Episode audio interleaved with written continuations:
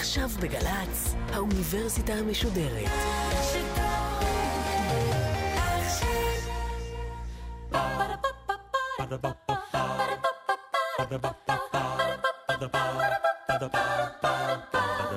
האוניברסיטה המשודרת מציגה מהים התיכון למזרח התיכון. ליעד מודריק ממפה את הבריתות במרחב. והפעם, שיחה עם הפרופסור קרלו שטרנגר, פרופסור לפילוסופיה ולפסיכולוגיה מאוניברסיטת תל אביב, ושיעור מסכם על בריתות. פרופסור קרלו שטרנגר, שלום רב. שלום לך, ליעד. אנחנו בפרק האחרון של uh, הסדרה שלנו, בריתות במרחב, ורצינו הפעם לקחת אולי קצת אחורה ולהסתכל על בריתות בראייה יותר רחבה, להבין מה בעצם הבסיס הפסיכולוגי, הנפשי, הרגשי של בריתות. ואתה, שיש לך ידע נרחב בתחום הזה, רצינו לקבל ממך את הפרספקטיבה הזו. אז אפשר באמת לדבר על איזשהו הלך רוח שחייב להיות שם בשביל ברית? תראה, אני חושב שבריתות...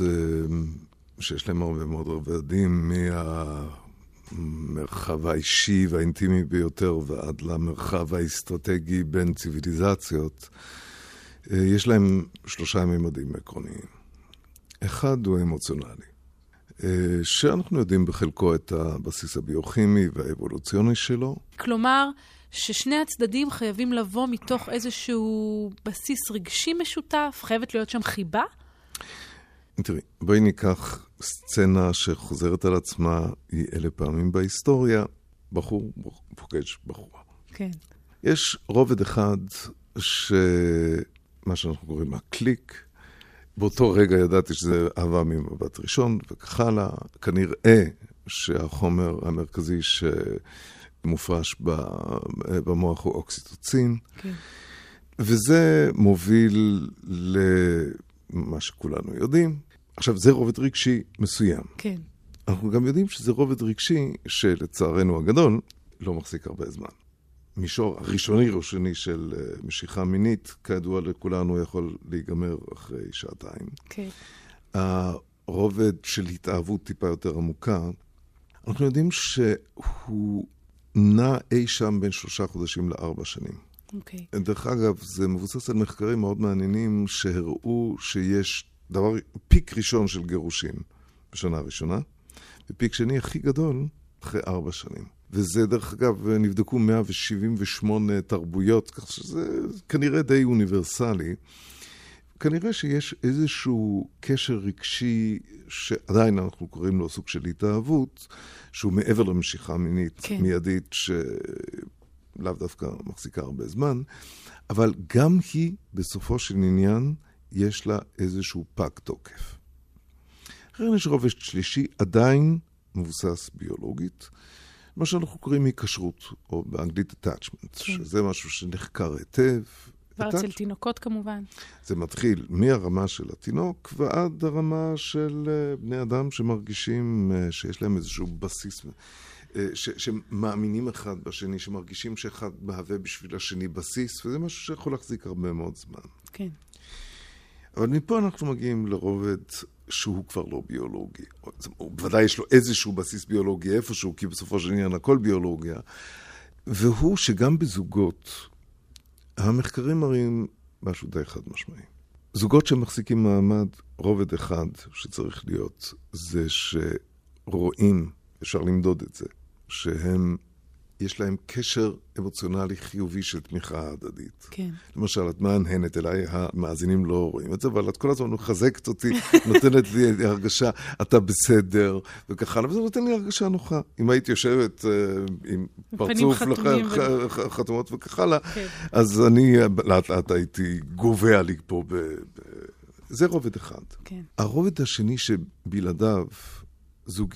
גם זוגיות לא מחזיקות, זה תרבות משותפת, זאת אומרת איזשהו בסיס של אה, מערך של הנחות יסוד משותפות, של מה זה זוגיות, איך אמורים להיראות חיים, אה, לשם מה התכנסנו, מה אנחנו עושים פה. כלומר, מסד ערכי אה, משותף. בדיוק.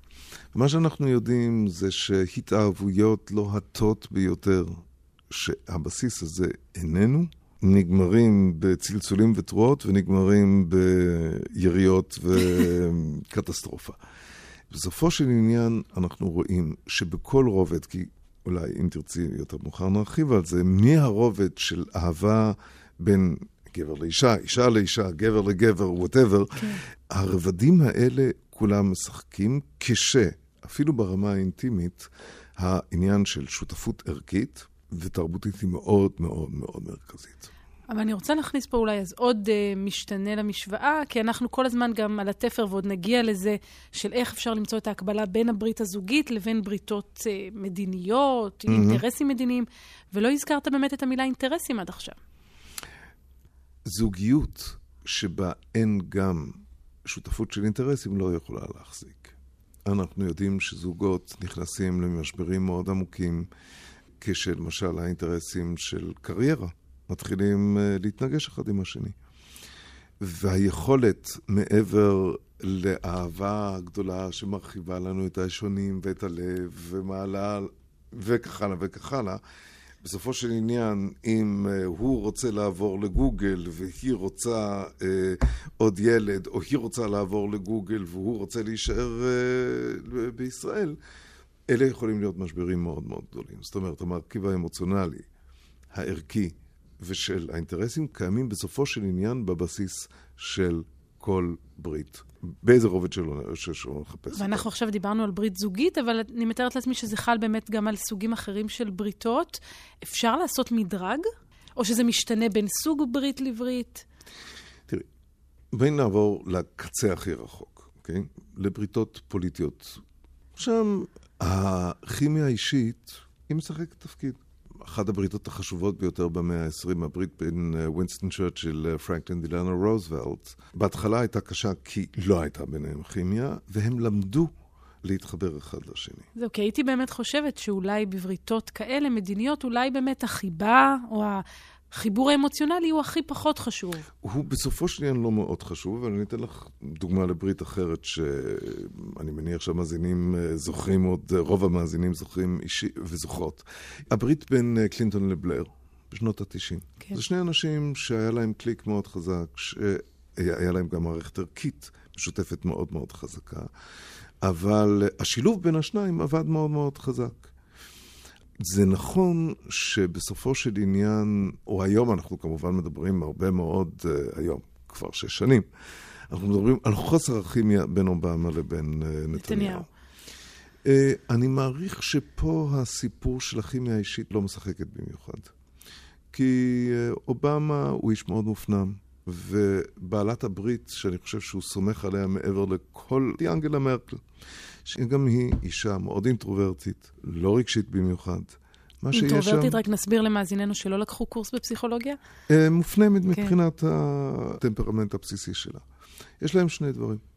יש להם גם מערכת ערכית משותפת ברמה מאוד מאוד מאוד עמוקה. שניהם מאמינים בזכויות אדם, שניהם מאמינים בכך שהאנושות נמצאת בסכנות מאוד גדולות ושכדאי שהאנושות תתחבר סביב אינטרסים מרכזיים וערכים משותפים. ופה אנחנו כמובן גם מגיעים לכך שמעבר לזה שיש להם מערכת ערכים משותפת, הם גם, מבחינת האינטרסים שלהם, של מה שהם רוצים להשיג, הם מרגישים מאוד קרובים אחד לשני. אנחנו עוד נגיע לזה, ואני רוצה לחזור עוד לרובד הפסיכולוגי הפרטני.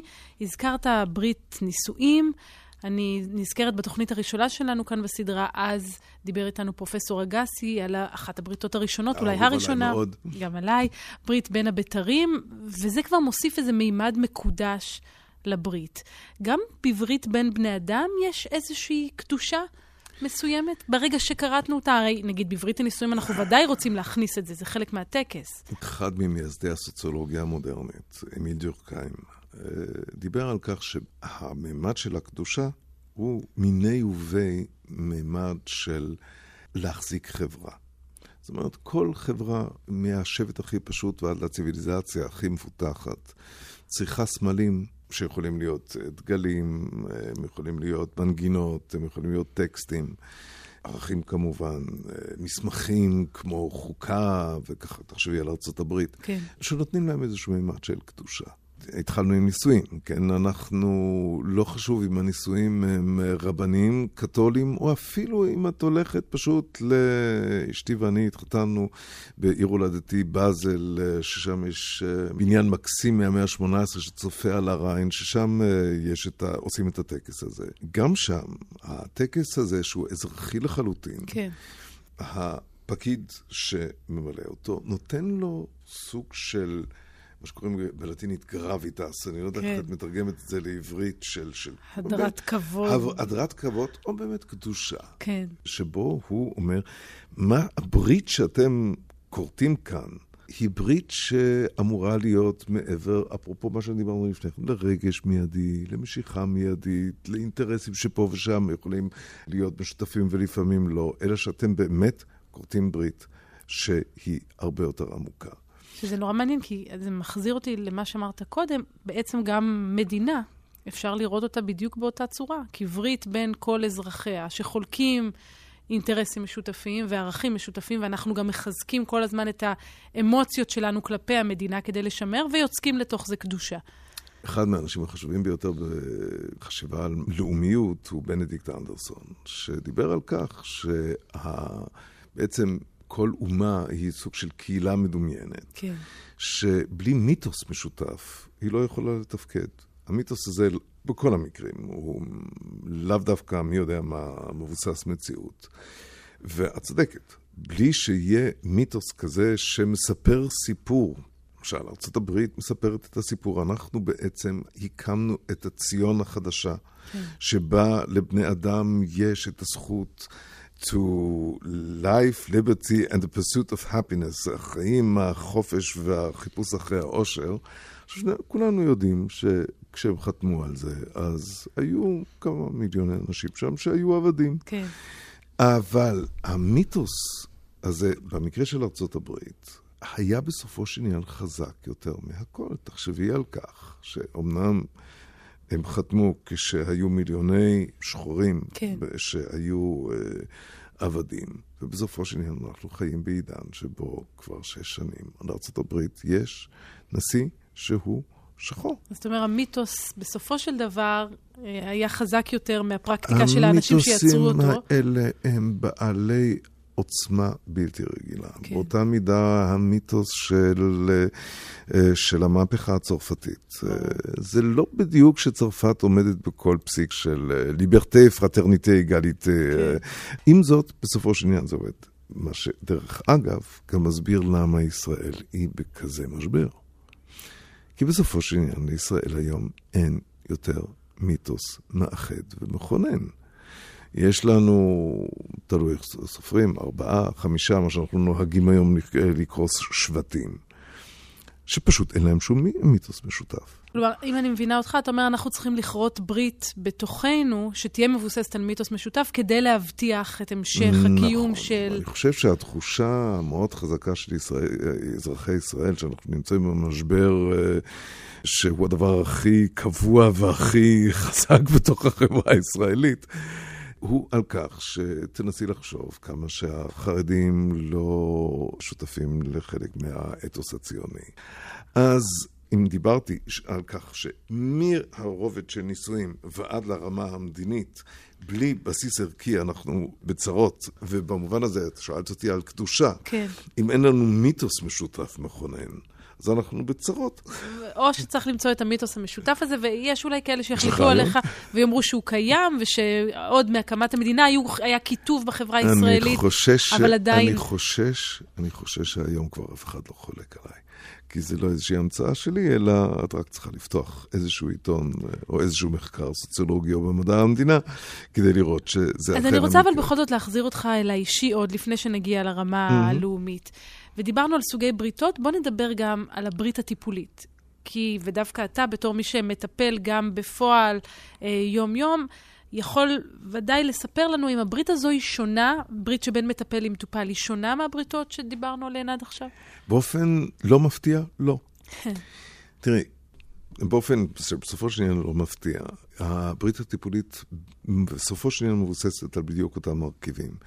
דרך אגב, הממצא הכי עקבי במחקר בפסיכותרפיה, משנות ה-30 של המאה ה-20 ועד היום, זה שהברית הטיפולית היא המנבא הכי טוב האם הטיפול יצליח, ומה מרכיב את הברית הטיפולית. דבר ראשון, אווירה אמוציונלית חמה. וזה, דרך אגב, היום, זה הגיע למצב שאם את נותנת לבוחנים מיומנים חמש דקות של וידאו בלי סאונד, של אינטראקציה טיפולית, הם יכולים לתת אה, ניבוי ברובד של 85 אחוז האם הטיפול יצליח. כלומר, מה, מהרגע הראשון שנכנס המטופל... לא מהרגע הראשון, אבל אם בודקים לאורך שש הפגישות הראשונות, אפשר אה, לראות אה, האם זה ישנו כן או לא. אבל לא אמור להיות בטיפול דווקא אינהרנטית בטיפול שלב שבו אתה כועס על המטפל שלך ורוצה... זה מיתוס שבשביל זה המדע טוב. המדע, אחת הפונקציות שלו זה להפריך כן. את המיתוסים האלה. התשובה היא לא.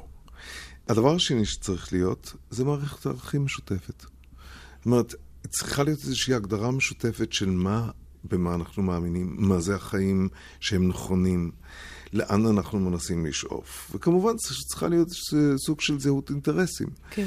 אה, זה נכון שיש למטפל, אה, מי שעליו, אחרי שהוא גומר התמחות, אה, את האינטרס גם להתפרנס. אבל הוא גם יודע טוב מאוד שאם הוא לא יעזור למטופלים שלו, אז לאורך זמן הוא לא יתפרנס. ולמטופל הוא אמנם משלם, אבל הוא יוצא מנקודת הנחה, ובשלב מסוים גם רואה, כן או לא, האם יש פה גם זהות אינטרסים. במובן הזה, החום הרגשי, ההנחה המשותפת לגבי לאן אנחנו מנסים להגיע וזהות אינטרסים, גם בטיפול, בדיוק אותו דבר. ואני תוהה, אה, ואפשר פה גם לחזור לקריצה שלנו לעבר הרמה המדינית, אפשר ליצור את אחד מהגורמים האלה באופן מלאכותי אם הוא לא קיים? כלומר, אם הרובד הרגשי לא קיים, אפשר לעבוד על זה? אם, אם אין לנו מערכת ערכים משותפת, אפשר ליצור אחת כזו? או שזה משהו שחייב להיות אפריורי? ברמה של אינטרסים יש עניין של משא ומתן. זה מתחיל מהרמה הזוגית. אה, את אה, רוצה ללכת להצגת תיאטרון, בן הזוג שלך רוצה ללכת למשחק NBA כשאתם נמצאים בניו יורק. או להפך, בשם השוויון. בשם השוויון. אז עושים משא ומתן. ובסוף uh, מגיעים למסקנה ש... את הולכת למשחק אחר, בייסבול במקום NBA, ובן זוגך הולך להצגה אחרת ממה שהוא רצה, ואז איכשהו אתם uh, מתחלקים. כן. זה הרבה יותר מסובך כשזה מגיע להנחות התרבותיות.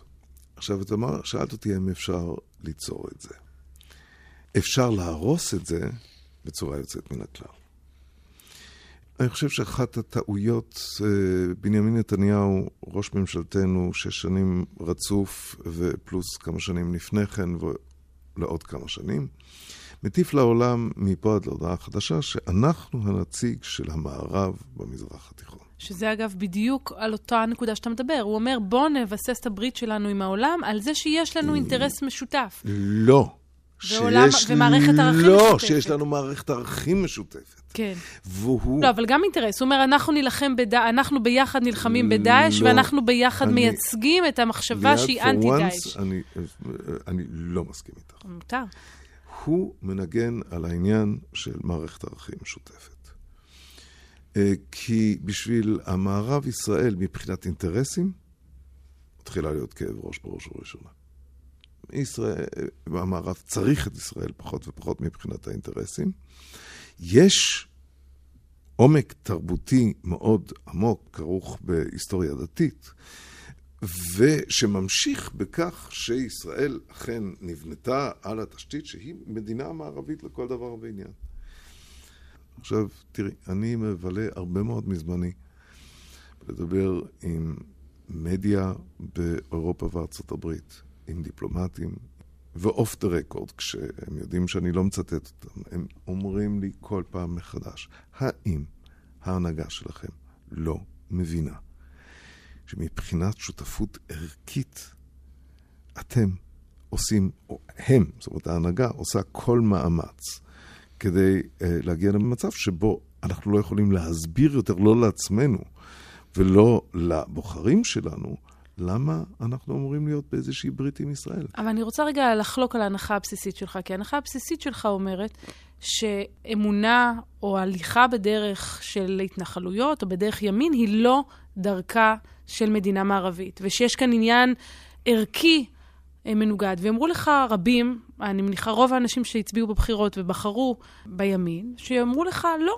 אנחנו יכולים להיות מדינה מערבית, שגם חושבת שהיא צריכה להישאר ביהודה ושומרון. מיד לגבי, תראי, מערכת הערכים שלפיה המערב פועל. לפני כן דיברנו על אה, הצהרת העצמאות, אה, מגילת העצמאות האמריקאית אה, ומגילת זכויות האדם האמריקאית והצרפתית. ומגילת זכויות האדם האוניברסלית של האו"ם, בסופו של עניין נולדה לא מעט בעקבות השואה. והיא אומרת שזכויות אדם הם דבר, אפרופו, מקודש, שבלעדיו אין סדר לא פוליטי ולא מוסרי שאנחנו יכולים להגן עליו. זה אני חושב מה שמחבר היום את מה שאנחנו קוראים את העולם החופשי, או לרוב את המערב. ואני רוצה לחזור לנושא הכי בסיסי שלנו, וזה, את לפני כן העלית את מימד הקדושה שיש בבריתות. אותם ערכי יסוד שדיברתי עליהם לפני כן הם הערכים המקודשים של העולם החופשי. וכל מי שחושב שלאורך זמן, כשזה מגיע לדם, כשזה מגיע למי עומד לצד מי בעת סכנה ובעת מצוקה, בסופו של עניין זה עניין של ערכי יסוד. אז אני רוצה לאתגר גם את הטענה הזאת שלך. כי אם יש דבר שלמדנו בסדרה הזאת, זה שלצד הערכים והמסד האידיאליסטי של בריתות, יש הרבה ריאל פוליטיק, ואנחנו ראינו הרבה מאוד דם שנשפך בסוריה, ואבירי זכויות האדם בעולם המערבי לא, הניפו, לא נקפו אצבע. ולכן אני שואלת, האם, וזה אנחנו מתקרבים גם לסיום התוכנית, ואני לא רוצה שניכנס דווקא לוויכוח הפוליטי, אלא לשאלה יותר עקרונית. האם כשאנחנו מדברים על בריתות, האם המימד הערכי הוא אכן חלק דרמטי, או שאולי הוא יותר הדרך שבה אנחנו אוהבים להציג את האינטרסים הגלומים בברית? אינטרסים הם אה, חלק מאוד חשוב. אחד הדברים שאני מאוד מנסה להדגיש, זה שלמערב יש פחות ופחות אינטרסים משותפים עם ישראל. כשארצות הברית שלחה מיליוני חיילים צעירים לא אירופה, בכדי להביס את היטלר. זה היה בראש ובראשונה בגלל סיבה אחת. בגלל שהשאלה הייתה מהו סוג של משטר לגיטימי ומה ערכי היסוד שלנו. לאורך זמן או ליד... כי תקפו אותם. יפן היו יכולים, להשת... היו יכולים להסתפק ב... ב... אה, בלהסתדר עם אה, יפן. זה שרוזוולט לקח את ההזדמנות הזאת כדי גם להרחיב את זה לאירופה, זה היה בראש ובראשונה... כן, אבל אחרי הרבה שנים של התעלמות. לא, הוא פשוט חיפש את הרגע שבו הוא היה יכול לעשות את זה ולמכור את זה לארצות הברית. שזה כבר מעניין, על איך אפשר לראות את ההיסטוריה חושב, מזוויות שונות. אני חושב פה, אני גם חושב שהקולגות שלי בבניין שבו אנחנו יושבים, ממדעי המדינה, בסופו של דבר יגידו לך את אותו דבר. אינטרסים לרגע יותר משותפים, לרגע פחות משותפים. כשזה מגיע לש... ל... לרגעי הקצה, אם יש איזושהי תחושה שיש אנחנו משותף, שהוא מבוסס אכן על ערכים מקודשים משותפים, אזי זאת ברית בת קיימא. ומי שחושב שאפשר למשל ליצור את ברית כזאת עם סין, לסין יש אינטרסים מאוד ברורים בישראל. היא מעוניינת ללמוד מישראל איך מגדלים יזמות. מעבר לזה, לסין לא אכפת מישראל בכהוא זה. ולכן אתה אומר, אי אפשר להזניח את הממד הערכי. לא רק שאי אפשר להזניח אותו, מי שמזניח אותו, בסופו של עניין הולך לטמיון. אז התחלנו את הסדרה הזאת במאבק בין הריאל פוליטיק לבין האידיאליזם, והנה גם סיימנו אה, באותה רוח. פרופסור קרלו שטרנגר, תודה רבה. נודה גם לאלמה רותם ואביגיל קוש על העריכה וההפקה, אופירה יעקב על הביצוע הטכני, ותודה גם לאוניברסיטת תל אביב שאירחה את ההקלטה שלנו היום. אנחנו מסיימים את העונה שלנו. ניפגש בסמסטר הבא. Ba-da-ba-ba-ba